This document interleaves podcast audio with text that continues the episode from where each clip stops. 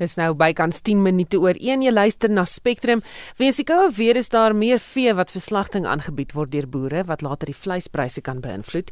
Dit is die voorspelling van 'n landbouekonoom van die Noordwes Universiteit, Dr. Johnny van der Merwe. Hy is ook die bestuurshoof van AMT. Dit is 'n organisasie wat markvooruitsigte doen vir vleis en graanprodukte. Soos ons laasweek verwag het, het die nuutste gemiddelde nasionale speenkalfprys 'n bietjie begin teenstand kry en afwaarts vir die week beweeg en op R27.43 per kilogram verhandel.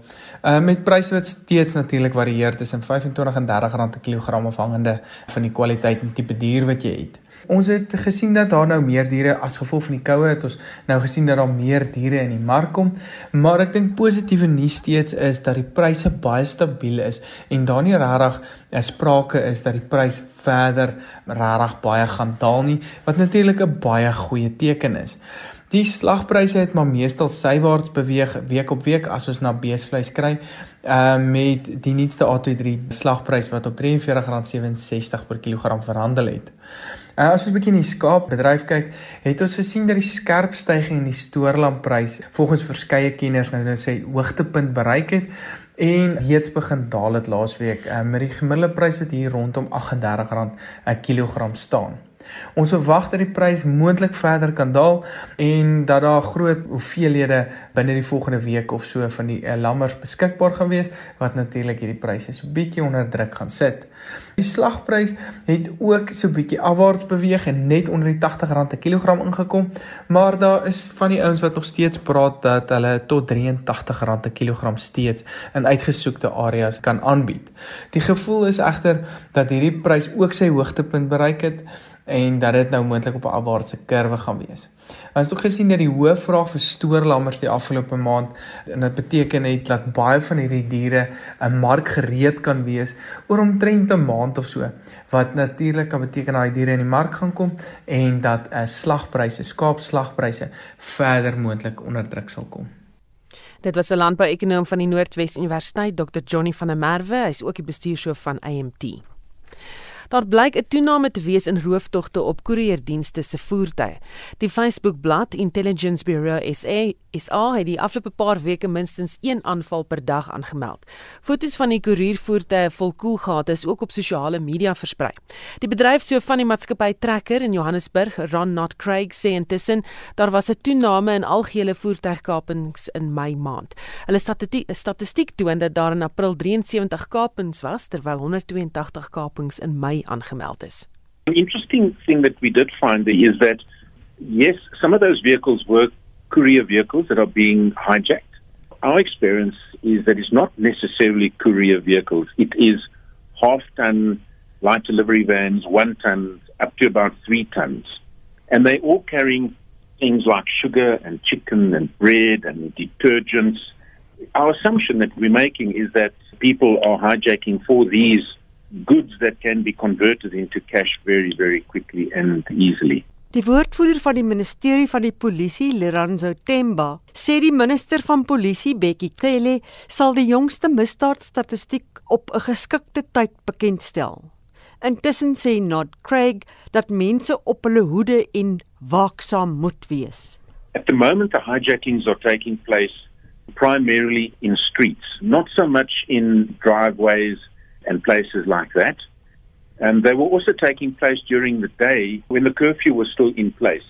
We've only had two days without the curfew, so we haven't seen a, a change in that trend yet.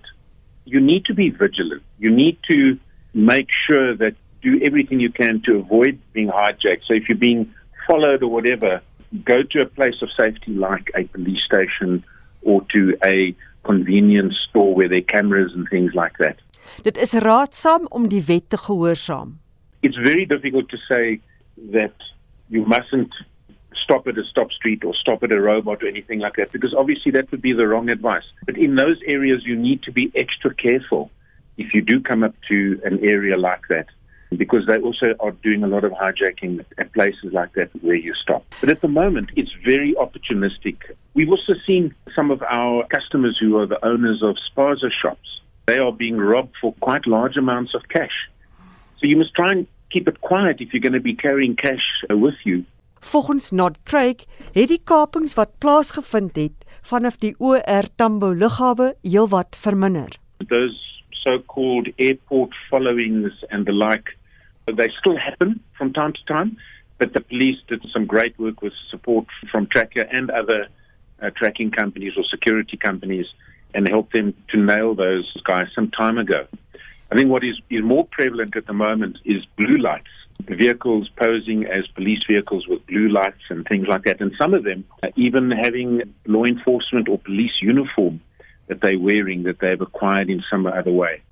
Maar wat nou gemaak as 'n motor met blou ligte jou tydens die inperking van die pad af probeer trek? So be very very careful when a car with blue lights wants to pull you over. Rather put your hazards on and go to a police station or to as I said a convenience store where there are uh, cameras and park under the cameras so that one can get video footage if anything if anything happens. Ron Not Craig is die uitvoerende bedryfshoof van die maatskappy Tracker in Johannesburg. Mitsi van der Merwe, SAK nuus. Hoewel sommige van die inperkingsregulasies verslap is, meen verskeie rolspelers in die toerismebedryf dit sal nie help om die van finansiële verliese in die sektor te verlig nie. Die toerismesektor kon nie op vlakke 4 en 5 bedryf word nie, en maar nou kan sommige toerismeaktiwiteite op vlak 3 hervat word. Die toerismevereniging sê egter die beperkte bedrywighede het 'n groot impak op die plaaslike ekonomie en kan moontlike afleggings tot gevolg hê. Vincent Mofokeng het meer. Tydens vlak 3 mag verblyfinstellings soos hotelle oop wees vir noodsaaklike dienswerkers en persone wat vir sake doeleindes daar bly. Privaat en openbare wildtuine is weer oopgestel vir selfbestuur uitstappies. Die ministerie van toerisme het ook 'n fonds van 200 miljoen rand gestig om die impak van die COVID-19 inperking op die sektor te probeer versag. Ian Gan van die toerismevereniging in Hartbeespoortdam sê egter dit is nie genoeg nie aangesien hul inkomste steeds beïnvloed word. Hulle vra dat ontspanningstoerismebedryf ook toegelaat word om sake te doen. Dit is vir omtrent 10% van die toerismebedryf wat wel nou kan werk. Van die ander 90% werk aan wat ons noem domestic tourism, plaaslike toerisme, naweek toerisme. En sonder hulle kan hulle nie werk nie. Mense sit nou by die huis, besighede word toegemaak. Ons moet dit oopmaak. Ons het wildreservate wat op die grense sit wat nie mag werk nie want hulle kan nie mense inbring van Gauteng alhoewel hulle net 900 meter weg is van die grens af. Ons het nie UIF nie, ons het nie tours funding gekry nie. Wat ons wel kan doen is natuurlik oopmaak en ons eie geld verdien. Die departement van toerisme beraam dat byna 600 000 werksgeleenthede in gedrang kan wees as die toerisme sektor nie teen September ten volle bedryf word nie. Een van die eienaars van 'n toerismebestemming in Hartbeespoortdam, Paul Creer, sê die skade is reeds aangerig. Some of our businesses we unfortunately had to retrench people for the mere fact that there's no income into the business. So if we don't have an income, we can't keep employing the people. So we have applied for TERS relief fund, but that's only temporarily. What happens if this thing carries on till January, February next year? Then we've got a big problem. Professor Piet van der Merwe van die Noordwes Universiteit sê die inperking lei tot groot finansiële verliese in die toerismebedryf. Ons kry omtrent 10.5 miljoen mense van die buiteland af wat ons elke jaar besoek. Plaaslik reis daar so omtrent 17.5 miljoen mense in Suid-Afrika. So hierdie het tot 'n totale stilstand gekom. Daar's geen toerismebedrywighede in ons land nie. Werksgeleenthede praat ons van direk net so oor die 700 000. Wat genereer die toerismebedryf? Direk praat hulle van so 113 miljard. Indirek en in direk praat hulle van so oor die 400 miljard. Ek dink ons gaan heelwat werksgeleenthede verloor in die toerismebedryf. Net onder die wildlife onder al wat ons al navorsing gedoen het, se lede werk gemiddeld so 15 mense per wildplaas. En as ou gaan kyk in die hele Suid-Afrika is as daar nie inkomste is, hoe kan jy jou mense betaal? Ek dink ons gaan geweldig baie mense werksgeleenthede verloor in die toerismebedryf. Intussen versoek die bedryf dat die ministerie van toerisme die inperkingsregulasies moet heroorweeg sodat hulle ten volle kan funksioneer. Die verslag van Kiadimile Mwalusi in Hartbeespoortdam. Akas Vincent Mofokeng. Esai Kanis. Die burgerregte organisasie Section 27 in Equal Education oorweeg regsaksie teen die departement van basiese onderwys indien skoolvoedingsskemas nie met die heropening van skole volgende week heringestel word nie. Die departement het onderneem om dit te doen, maar blyk nou dit gaan nie realiseer nie. Ons praat nou hieroor met die medehoof van navorsing by Equal Education, Renay McFarlane. Goeiemôre Renay. Uh, goeiemiddag Susan en goeiemiddag aan die luisteraars. Hoeveel kinders word daagliks deur skoolvoedingsskemas gevoed? Gewoonlik wanneer skole oop is en alle alle leerders in die skool is, kry ongeveer 9 miljoen leerders elke dag kos by die skool en vir baie van daai leerders is dit die enigste maaltyd in die dag. Nou aan die begin van die Grendeltydperk het julle ook die departement van basiese onderwys versoek om op 'n veilige manier voort te gaan met die voedingsskema om hongersnood te voorkom. Wat was die reaksie? Die minister se uh, ehm um, opinie of reaksie van die begin af was dat hulle nie glad nie die kapasiteit het om se kinders voeding te gee wanneer skole toemaak nie. En daarom het sy gesê dat daai verantwoordelikheid lê by die departement van sosiale ontwikkeling en dat hulle nou by met die departement sal saamwerk om voeding aan leerders te verskaf.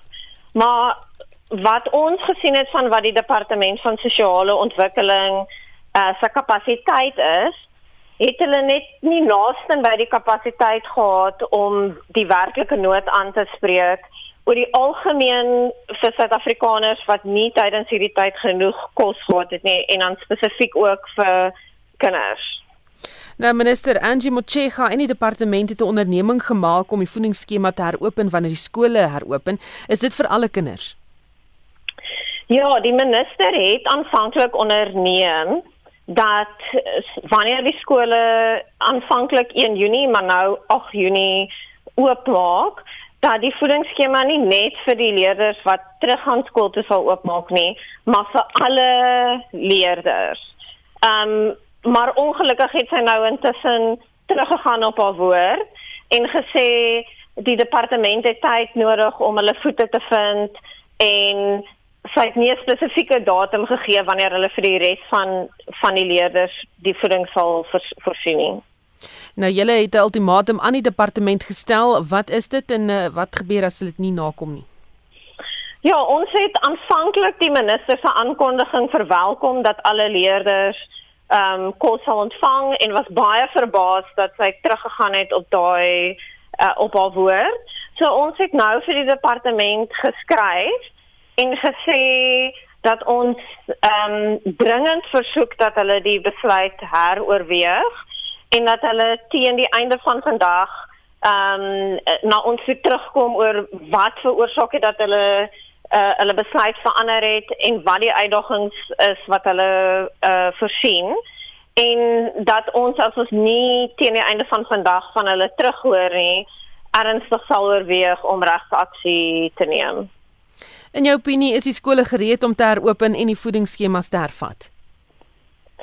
Sover is die inligting wat van die provinsies afkom dat daar verskeie uitdagings um, is in terme van voorbereidings om skool skole te heropen en ehm um, daai kwessies soos byvoorbeeld die aflewering van maskers en die voorsiening van water sal natuurlik ook skole se vermoë beïnvloed om seker te maak dat iets soos die voedingsskema op 'n veilige manier uitgerol word. Ongelukkig het die minister geen redes verskaf vir die omkeer in haar besluit nie. So dit is moeilik om te sê presies watter faktore beïnvloed die die, die skole se voorbereidheid om kos te voorsien.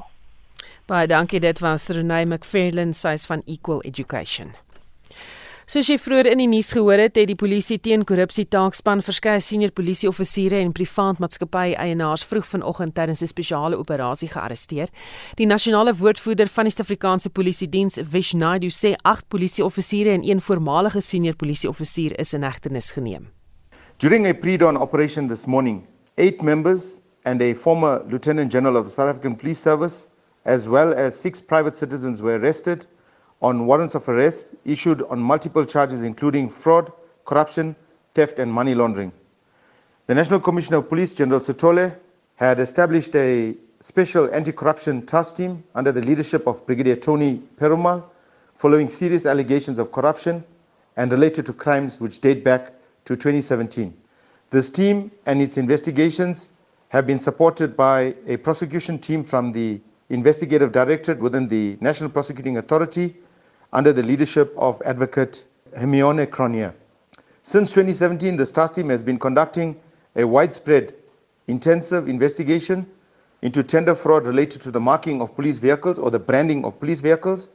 During these investigations, nine members of the SAPS, including senior officers, as I've indicated, the former or retired lieutenant general and three brigadiers, as well as private company directors and employees, are alleged to have been involved in an elaborate act to defraud the state.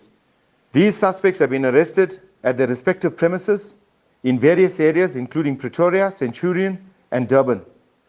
General Sutola has praised the task team for the zest and determination they showed in the pursuance of this investigation, and he's been kept abreast on this extensive but very complicated investigation since its inception. He's also highlighted that he's confident that there's watertight cases against those that have been arrested. He has also highlighted that corruption within the SAPS will neither be condoned nor tolerated, and that he will do everything in his power as the National Commissioner of Police to ensure that we root this type of criminality or any form of criminality from within the ranks of the SAPS. En dit was die nasionale polisiewoordvoerder Vishnaidu. Die Weskaapse premier Allan Windey sê daar staan 'n agterstand van 27000 koronavirustoetsuitslae wat by die nasionale gesondheidsdepartement se laboratoriumdienste gedoen is. Intussen het Windey ook aangekondig dat gesondheidsorgwerkers en mense ouer as 55, asook die met onderliggende siektes, eers getoets sal word vir COVID-19 in die Weskaap in die toekoms. Dis volgens die provinsie se hersiende toetsstrategie. Die Weskaapse premier Ellen Windy sê druk op die toetsstelsel het die prioritisering van hoë risiko versorgingseenhede genootsaak. Een so 'n fasiliteit is by die Rooikruis Oorlogsgedenkhospitaal in Kaapstad begin. Die hospitaal sê hy het sowat 37 kinders opgeneem wat positief vir COVID-19 getoets het. Sewe word behandel. Die hoë risiko versorgingseenheid en toetsentrum wat gister geopen is, voeg bykomende kapasiteit tot die hospitaal. Dr Anita Parbo is die hospitaal se mediese bestuurder.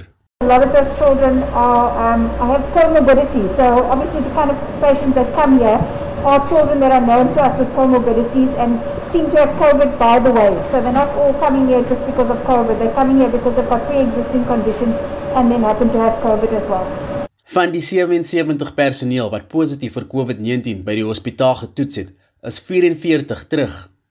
Die Weskaap is nou in sy tweede fase om hoë risiko eenhede uit te rol met 20 meer in die volgende fase in landelike gebiede. Dit is met 27000 uitstaande toetsresultate as gevolg van 'n agterstand waarvan 19000 vir langer as 'n week laat is. Windy sê mense wat getoets word, sluit in die wat gehospitaliseer word met COVID-19 simptome en ander wat aan diabetes, hipertensie en hartsiektes ly. So if you're a young person, fit and healthy, and you've got some tickly throat and you think, hang on a second, don't go rush and lock up a test because let's rather save that for someone who needs it in a hospital. Isolate yourself, wait for your 14 days, do the right thing. We all know what to do. We've been told that tests are on their way, calls have been made, but in the meantime, we've got to make decisions with what we've got right now. And so let's make sure that we're making the decision in the best interests of where the most risks is. Die Weskaap het nou net meer as 24.500 bevestigde gevalle met amper 14000 mense wat herstel het en 601 sterftes. Ek is Kobben August in Kaapstad. Die hele staat van inperking is gekenmerk deur 'n getoutrekkery oor hoe behoeftige mense in die tydperk gehelp moet word. Hulporganisasies was op 'n stadium woedend vir die regering na pogings om die uitdeel van voedselhulp en ander benodighede te sentraliseer. Baie van die organisasies het nie die regering vertrou om die hulp by die mense uit te kry wat dit benodig nie. Ek het saam met die hulporganisasie Boere Droogtehulp MPC SA na Rustenburg in Noordwes gegaan om te sien hoe groot die nood daar is. Eers aan die woord is Chris van Billjon van Boere Droogtehulp SA MPC. Hy vertel dat die nood onder mense daar reeds 'n lang pad kom. Van Marikana se dinge daai tyd gebeur het. Ons het skole gehelp daai tyd. Boere gekry met trokke en dan kom die families en dan kom hulle hulle groente en goed want jy weet hierdie is 'n is 'n myndorp, so almal werk op die myn. Die wat nie op die myn werk nie, het iets te doen met die myn. Hulle verskaf iets aan die myn of iets en daai tyd toe dit stil staan toe niemand inkomste nie. Selfs soos nou. Dit was 6 maande lank. En nou weer met lockdown. Ons het hierdie skool wat ons help, Hoërskool Rustenburg. Ons het Laerskool Rustenburg. Ons het Protea Park, ons het nog 'n ander skool. Gee hulle nog vir kinders kos al is hulle nie in die skool nie. Ons moet want die ouers het nie geld nie. Daai kinders het by die skool geëet. Dis al ete wat hulle in 'n dag gekry het was by die skool. Maar hoe werk dit dan nou? Skool is toe, so kom hulle nog steeds skool toe en kom kry kos of hoe maak Nee, hulle ons kry hulle ons ons gee vir die skool. Die skool maak pakkies op en dan het die skool iemand wat dit gaan aflaai. O ja, nee, hier huil jy. As jy die mense sien wat ehm um, so swaar kry. Nee, ja. Daar's baie mense wat wil gee. Daar's baie. Die hartseer saak is gewoonlik die mense wat reeds swaar gekry het en die mense wat nog nie swaar gekry het nie. Stel nie belang nie. Ek dink nie hulle besef wat dit is om swaar te kry nie. So hulle gee nie om nie. Wel ek op die oomblik ek slaap nie, want as ek slaap dan deel ek tot brood in my slaap uit of iets en dit raak 'n mens want my foon bly ook nie stil nie en jy kry boodskappe soos in 2:00 die oggend, kan jy ons help met kos? Kan jy help met dit? Weet jy die ding wat wat ek nooit sal vergeet nie was ons het in Vosburg het ons 'n vragvoer gaan aflaai en kos en dit was een van ons grootste uitdele gewees. En toe daar 'n seentjie na my toe gekom, hy was ek so 6 jaar oud. Toe sê hy vir my uh oom, julle is 'n week laat. Want my oupa het 'n week vroeër uh selfmoord gepleeg oor die droogte. En daai sal ek nooit vergeet nie. En dit was die stem van Chris van Biljon van Boere Droogtehulp SA NPC. Die volledige berig is môreoggend op Monitor tussen 6 en 8. Moenie dit misloop nie.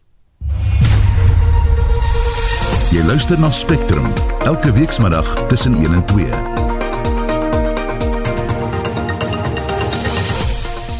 In die program die toerismevereniging sê die beperkte oopstel van die bedryf het 'n groot impak op die plaaslike ekonomie. Ons het nie UIF nie. Ons het nie tourist funding gekry nie. Wat ons wel kan doen is natuurlik oopmaak en ons eie geld verdien.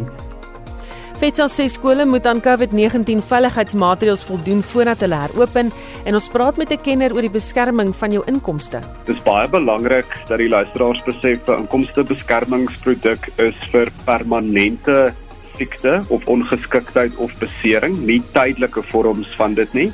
En dan sekere van die produkte het ook dan dekking vir permanente werksverlies. Vorige uitsendings in vandag se program is beskikbaar op Potgooi gaan net na die RSG webblad www.rsg.co.za.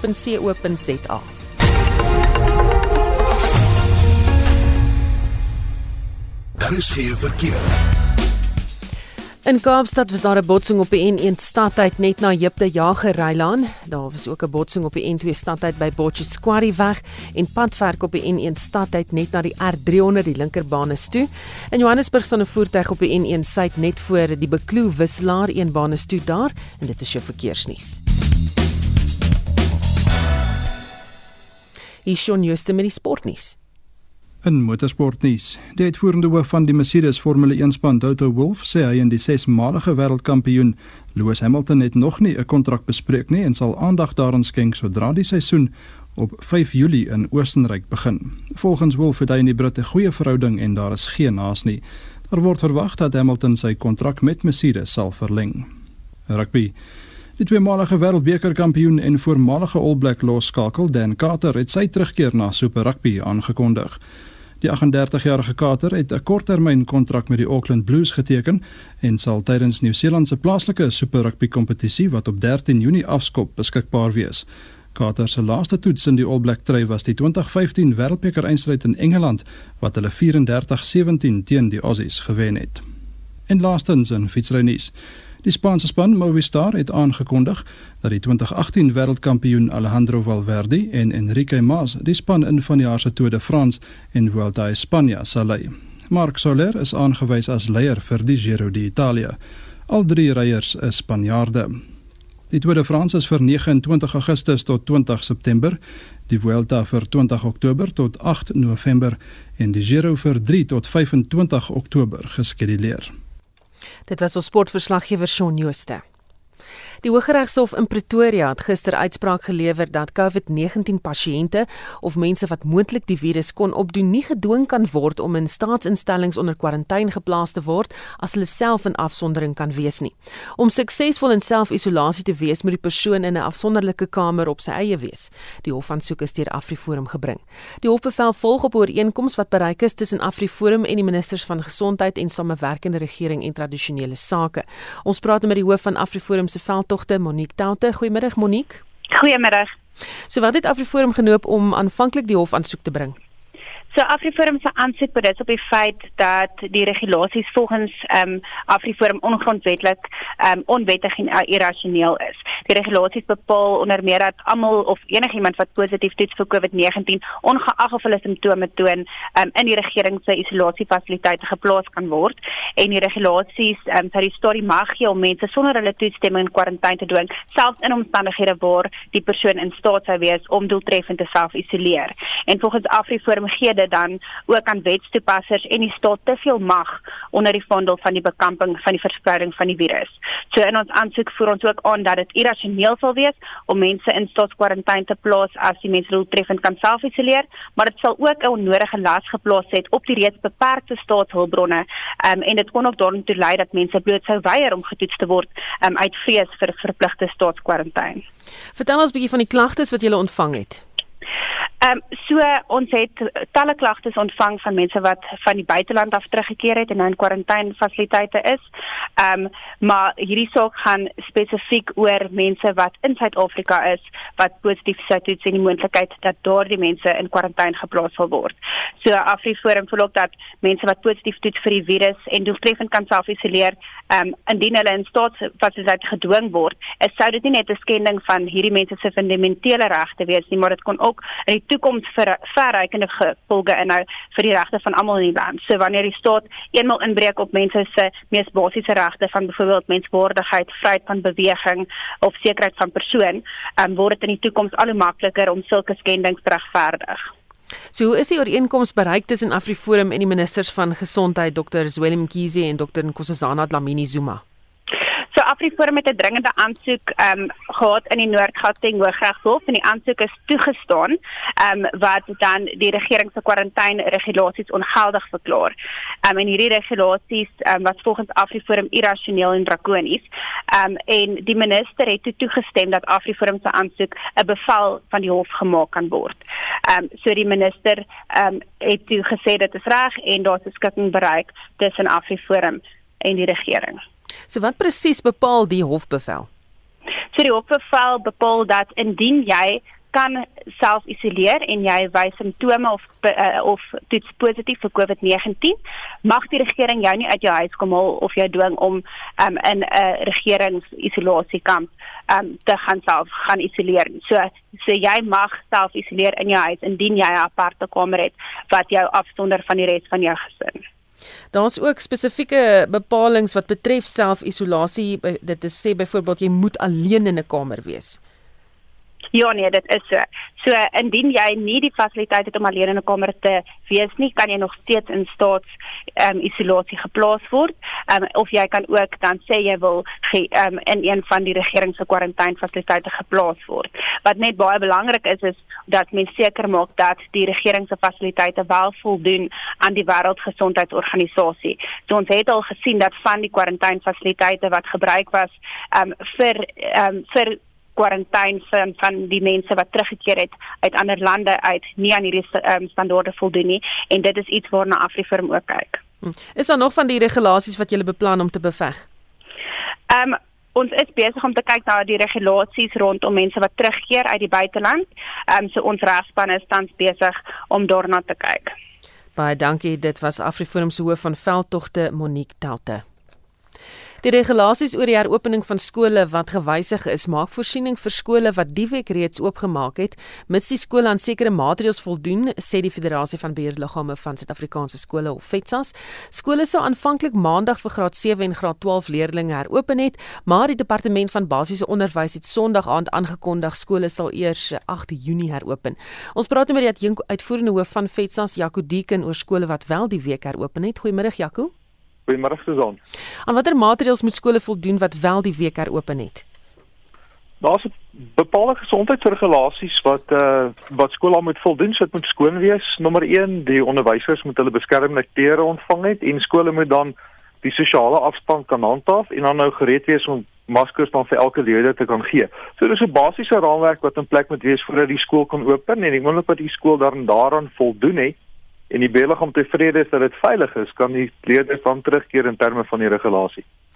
Ehm um, wat van kleuterskole en vroeë kinderontwikkelingssentrums geld dit vir hulle ook of bly hulle geslote? Op hierdie stadium is daar daardie sentrums gesluit. Uh veral die sentrums wat onder die departement maatskaplike ontwikkeling val, daarvoor is daar nog nie 'n datum bepaal nie.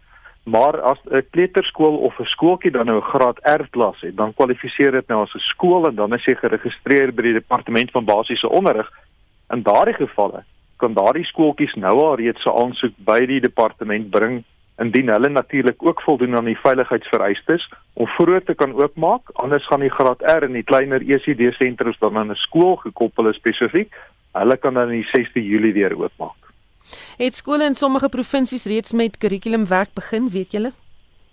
Dis moeilik om te sê. Die verslag wat ons ontvang het is dat hierdie eerste paar dae was maar oriëntering gewees en 'n stadige terugkeer, veral na die verwarring uh, wat die minister geskep het oor die datums. So ons verwag dat die groot gros leerders maandag eers sal terugkeer en ek dink dat die die akademie gaan met alle erns maandag eers begin in die meeste skole. Die kollektiewe ooreenkoms vir onderwysers wat aan onderliggende siektetoestande ly is die week onderteken en gepubliseer. Wat bepaal dit en hoe sal daardie onderwysers hanteer word? Ja, ons is baie dankbaar dat daai ooreenkoms nou bereik is. Dis om tussen die departement en die vakbonde wat in die onderwyssektor werk. En uh, daar's baie vrae gewees oor die terugkeer van onderwysers. Wat van onderliggende siektetoestande of verhoogde risiko's? En hierdie kollektiewe ooreenkoms sit dan nou hierdie faktore baie duidelik uiteen. Soos 'n persoon byvoorbeeld 60 jaar oud is en jy het 'n onderliggende siekte toestand wat in 'n kategorie val, dan moet jy uh, 'n uh, mediese verslag van jou mediese praktisyn indien en uh, dan uh, die werkgewer dit oorweeg en na 30 dae is daar weer 'n evaluering of byvoorbeeld uh, as jy in die gelukkige posisie is om 'n swanger mamma te wees en jy is onderwyseres, uh, is daar twee moontlikhede as jy verhoogde risiko in jou swangerskap het, kan die dokter dit aandui of as jy op 27 weke is. En natuurlik algemene bepalinge soos as jy respiratoriese siekte gehad het of 'n onderdrukkingsmiddel omdat jy 'n orgaanoorplanting gehad, so daardie kategorie is baie mooi gelys as ook die dokument wat ingevul moet word en waarheen dit gestuur moet word. So daar's 'n baie duidelikheid ten minste vir die opvoeders in diens van die departement. Baie dankie. Dit was die adjunk uitvoerende hoof van FETSAS Jaco Dieken. Die finansiële hulpskema vir studente NSFAS is besig met 'n proses om historiese skuld van meer as 1,9 miljard rand af te skryf. Die minister van hoër onderwys, Blyden Semande, het die besluit om skuld af te skryf bekend gemaak in 'n antwoord op 'n vraag van die DA in die parlement.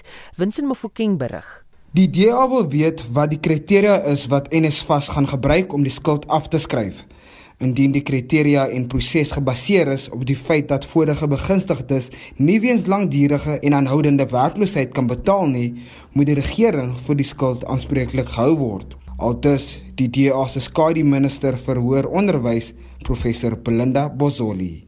And we want Minister Nzimande to give clarity on two things. What criteria have been used to write off this debt and who pays for the costs associated? The criteria are important. If the debt is based solely on non payment by past beneficiaries, then NISFAS is to at fault. It should have collected those debts years ago. And if the process is based on people not being able to pay because they're unemployed and have been unemployed for year, years, then I think it's the government's fault for stimulating over the last 25 years an unprecedented and horrifying unemployment rate. We support NISFAS writing off some of the debt, the historic debt of qualifying poor students who are currently studying. But we can't condone NISFAS writing off the historic debt of those who are able to pay. They may have good jobs, for example, but who have never been required to pay by NISFAS. Dit was die DA se skadu minister van hoër onderwys, wetenskap en tegnologie, professor Belinda Bozoli. Vincent Mofokeng SAIGanis. Verskeie mense het tydens die staat van inperking 'n salarisvermindering gekry of selfs geen salaris nie. So wat nou gemaak? Het jy dalk 'n polis wat jou deur die tydperk sou kon help? Die bestuurshoof van Stangen Versekeraars, Marius Botha, sê mense moet eers verstaan wat behels 'n polis wat byvoorbeeld jou inkomste beskerm om daardie vraag te kan beantwoord. Dis baie belangrik dat die luisteraars besef 'n inkomstebeskermingsproduk is vir permanente siekte of ongeskiktheid of besering, nie tydelike vorms van dit nie. En dan sekere van die produkte het ook dan dekking vir permanente werksverlies. lyk vir my asof daar 'n probleem met die uh, klank. Ons gaan kyk of ons hom uh, kan terugkry op 'n stadium. Uh, dit was die bestuurshoof van Stangen Versekeraars Marius Botha. Ons gaan kyk of hy uh, weer later kan gesels Frikkie Walle. So lyk dit daar. Nee, knoppies druk, gaan ons weer gaan probeer. Goed, ons eers 'n ander storie doen en kyk of ons later kan terugkeer. Die troubedryf het ook 'n reuse terugslag beleef weens die COVID-19 pandemie. Hoewel mense toegelaat word om klein begrafnisdienste te hou tydens die inperking, geld dieselfde reëls nie vir troues nie. Die eienaar en stigter van die Wedding Expo, Amanda Cunningham, sê die inperking het meer as net 'n finansiële impak op die bedryf. The wedding industry in South Africa, and from the research that myself and a company called Crazy Grape Media, we ran this research starting last March and, and through till this March. And the industry in South Africa really is in the, the billions. And 25 billion is probably the figure that would be realistic. The industry itself, which has just taken this massive knocking, they've got perhaps, uh, let's just say, do a wedding a weekend as a venue. Now they've got nothing, nothing at all. And they have no idea of when they will be able to have a wedding. It's affected everybody in the industry, from the venues to the designers to the cake makers to the florists, everybody. They're very innovative, some of them, and, and have come up with excellent, really clever new businesses or new arms to their business, which I think we need to do as entrepreneurs anyway. But it's still, nevertheless, the mainstay of their income has essentially gone. Cunningham sê mense besef nie hoe baie sakeondernemings, groot en klein, betrokke is by die reël van 'n troue nie. If you think about it from the beginning of it, let's just say you've got an, a couple who've got engaged, they've decided that they're going to use a wedding planner. The wedding planner will then assist them in finding a florist, the florist, the dressmaker, or an off the rack dress. Then you've got invitations, you've got the venue, you've got the retinue who are going to wear the bridesmaids' dresses and the groomsmen. You've got the flowers, you've got the decor, you've you've uh, it, it, the list goes on. Dit is egter moeilik om te bepaal hoe lank dit sal neem vir die bedryf om te herstel na die inperking gelig word. Oh, I think that's the million dollar question. I think that as soon as we know when we're going to be allowed to to have weddings and the numbers of which. So I know certainly there are some people who've decided they would rather just have a civil wedding now and make it official and then to go ahead with the function when they're allowed to you know, you've got to take all the weddings that have been postponed potentially from this year and put them into next year or maybe even the year after. It will recover. But how quickly it will come back because you've got a lot of people who may not survive this. And so for those businesses where it just becomes, you know, too difficult that they won't be able to make it through the next few months. Cunningham glo dat mense bereid is om nog 'n jaar of twee te wag vir hul droomtroue. This is a time in their lives that they've thought of such a long time, uh, especially the brides. And we have to, to remember that so many families now don't live in the same country. And so you might have, you know, a brother who lives in, in Cape Town, but you've got a sister who lives in Australia. And you want your family at your wedding. And it's important that they be there. So in talking to, to brides, and it's been, you know, the majority of them, I would say, have said that they will happily postpone their wedding so that they can have the wedding of their dreams. They may, as I said earlier, they may have a civil ceremony, so they are officially married, and then host a big wedding in a you know 18 months time, say. I think that we may also we will also see smaller weddings. We just don't know how long this COVID is going to go on for. So, if there are some people who will say, okay, well they will take the numbers down. In the majority, we've found that people want to stick with what their plans are. Sy sê verder sy sukkel om te verstaan hoe kerkdienste vanaf maandag toegelaat word, maar nie trou is nie. I would say that if you're holding a wedding for up to 50 people, yes, that you can do. What you can't do, which is something that's about weddings, uh, they're very emotional. There's a lot of hugging, there's a lot of kissing that goes on, there's a lot of touching that goes on. So you've got to remember factor that in. And plus all your guests and you and your bride and your groom, whichever, you know, you are, are going to be wearing a mask.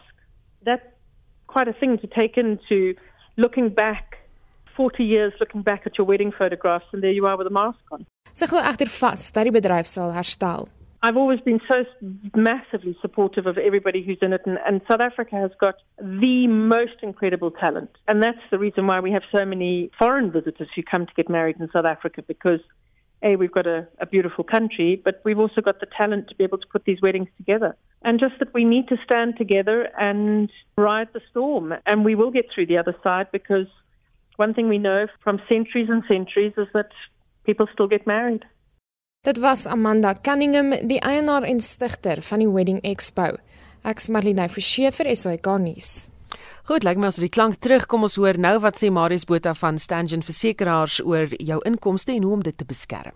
Ek dink dit is belangrik om te verstaan waarvoor inkomstebeskermingsprodukte dekking bied, want daar is misverstande daaroor op die oomblik.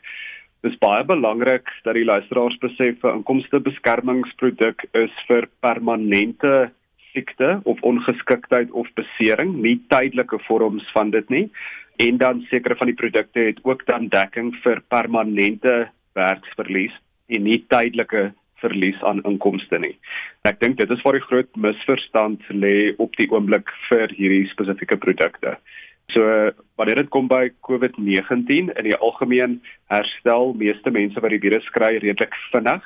Um, so hulle is net vir 'n paar dae afsiek van hulle werk en ons sien nie op hierdie stadium um, dat daar mediese bewyse is dat dit op sy eie lei tot 'n permanente vorm van ongeskiktheid wat dan sal lei tot 'n suksesvolle eis onder een van hierdie produkte nie. Wanneer sou jy voorstel neem mens dan nou, jy weet, 'n inkomste beskermer uit?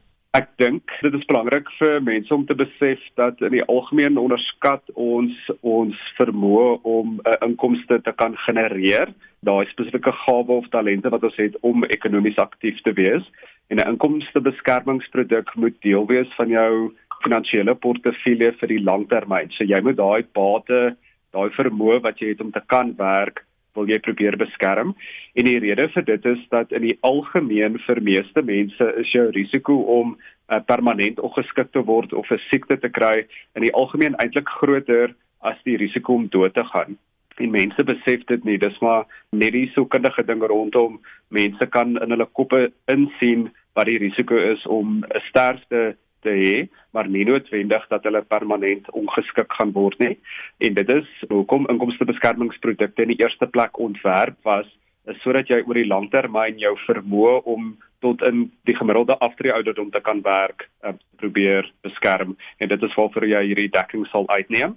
En die dekking moet ook onderskei word van wat ons noem 'n permanente lumpsom dekking vir um, mediese ongeskiktheid. Die inkomstebeskermer sal slegs 'n persentasie van jou salaris, in Stangen se geval 75% van jou salaris uitbetaal indien jy uh, permanent siek is teenoor 'n lumpsom ongeskiktheidspolis wat 'n vaste uitbetalingsbedrag sal hê wanneer jy uh, gediagnoseer word en wat ook belangrik is om te besef dat beide hierdie produkte is gekoppel in jou vermoë om jou werk te kan doen. So daar is gevalle waar individue byvoorbeeld 'n permanente besering opdoen, maar dit beperk nie hulle vermoë om hulle huidige werk te kan doen nie en die produk gaan nie uitbetaal in daai geval nie. So dit gaan nie net oor jou permanente siekte of ongeskiktheid nie, dit gaan daaroor of dit jou vermoë om jou werk te kan doen enigstens permanent belemmer.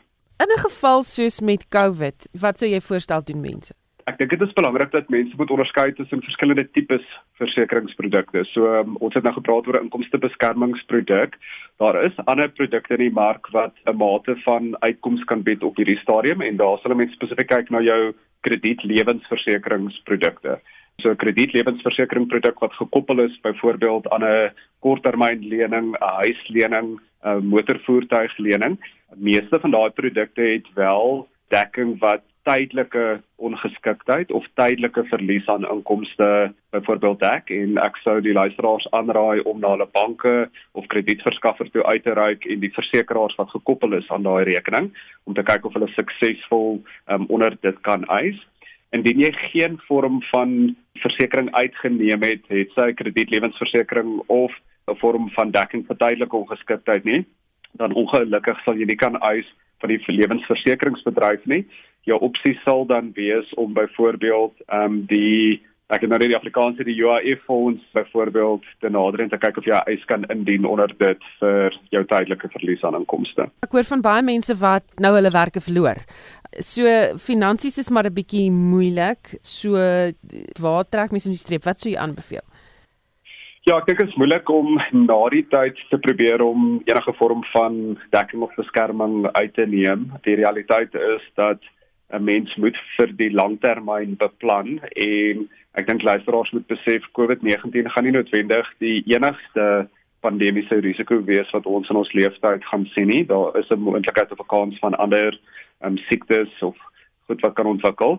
Maar ons moet ook net die sigheid verloor dat ehm um, daar is ander gevreesde siektes, daar is ander kondisies wat nog steeds 'n groter waarskynlikheid het om mense te raak as COVID-19 nie en daarom is dit belangrik om net 'n bietjie terug te staan en 'n wyeer hersiening van jou situasie te doen en te kyk wat is jou vermoëns en op die einde van die dag dink ek is die realiteit dat ons as gemeenskappe moet saam staan. Daar is net soveel wat lewensversekeringsbedryf of 'n bankbedryf um, of selfs die UIF fonds kan doen in hierdie tyd. Die realiteit is in baie moeilike omstandighede lê die antwoord ongelukkig vir baie van ons dat ons net as gemeenskap moet saam staan en mekaar moet help en ondersteun in hierdie tyd. En ek dink dis wat ons as Suid-Afrikaners net maak waar die Ubuntu beginsel lê en wat ons um, anders maak as ander gemeenskappe wêreldwyd. Dit was die bestuurshoof van Stangen Versekeraars Marius Botha. Die organisasie, die Kaapstad se sentraal stadsverbeteringsdistrik, voorspel dat misdaad in die sakekern sal toeneem. Die organisasie se veiligheids- en sekuriteitsbestuurder, Monique Hendrik sê, met die inperking wat na vlak 3 verskuif het, verwag hulle dat meer mense werk toe sal gaan en sakeondernemings sal weer hulle deure oopmaak, wat volgens hom misdadigers sal lok. Vincent Mofokeng doen verslag. Hendriks sê die Kaapstad se sentraal stadsverbeteringsdistrik sal die polisie bystaan om misdadigers vas te trek. And they will try to commit offences including common robbery, snatch and grab, theft out of motor vehicle, drinking in public, and other social related cases.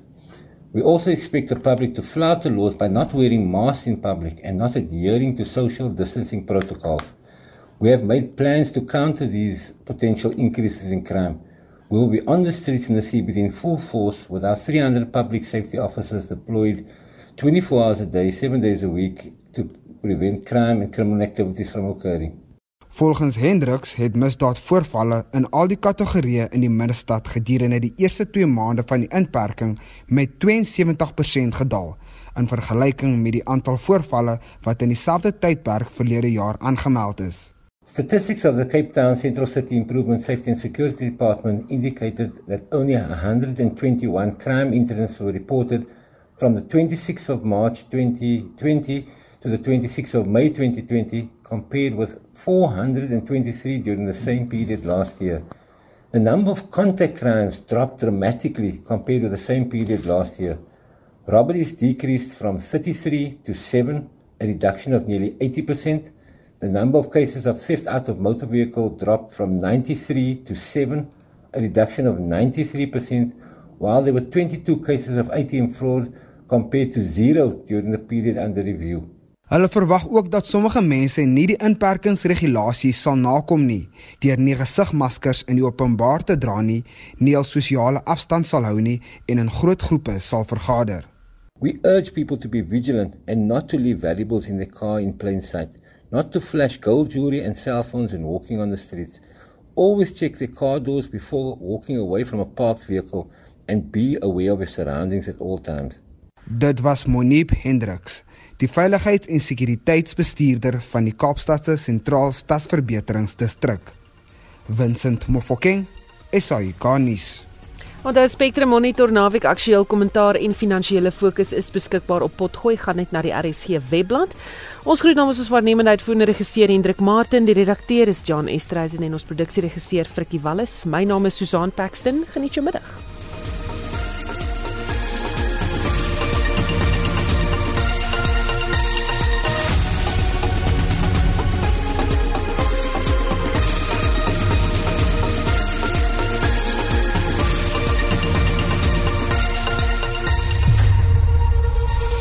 SAK nuus. Onafhanklik, onpartydig.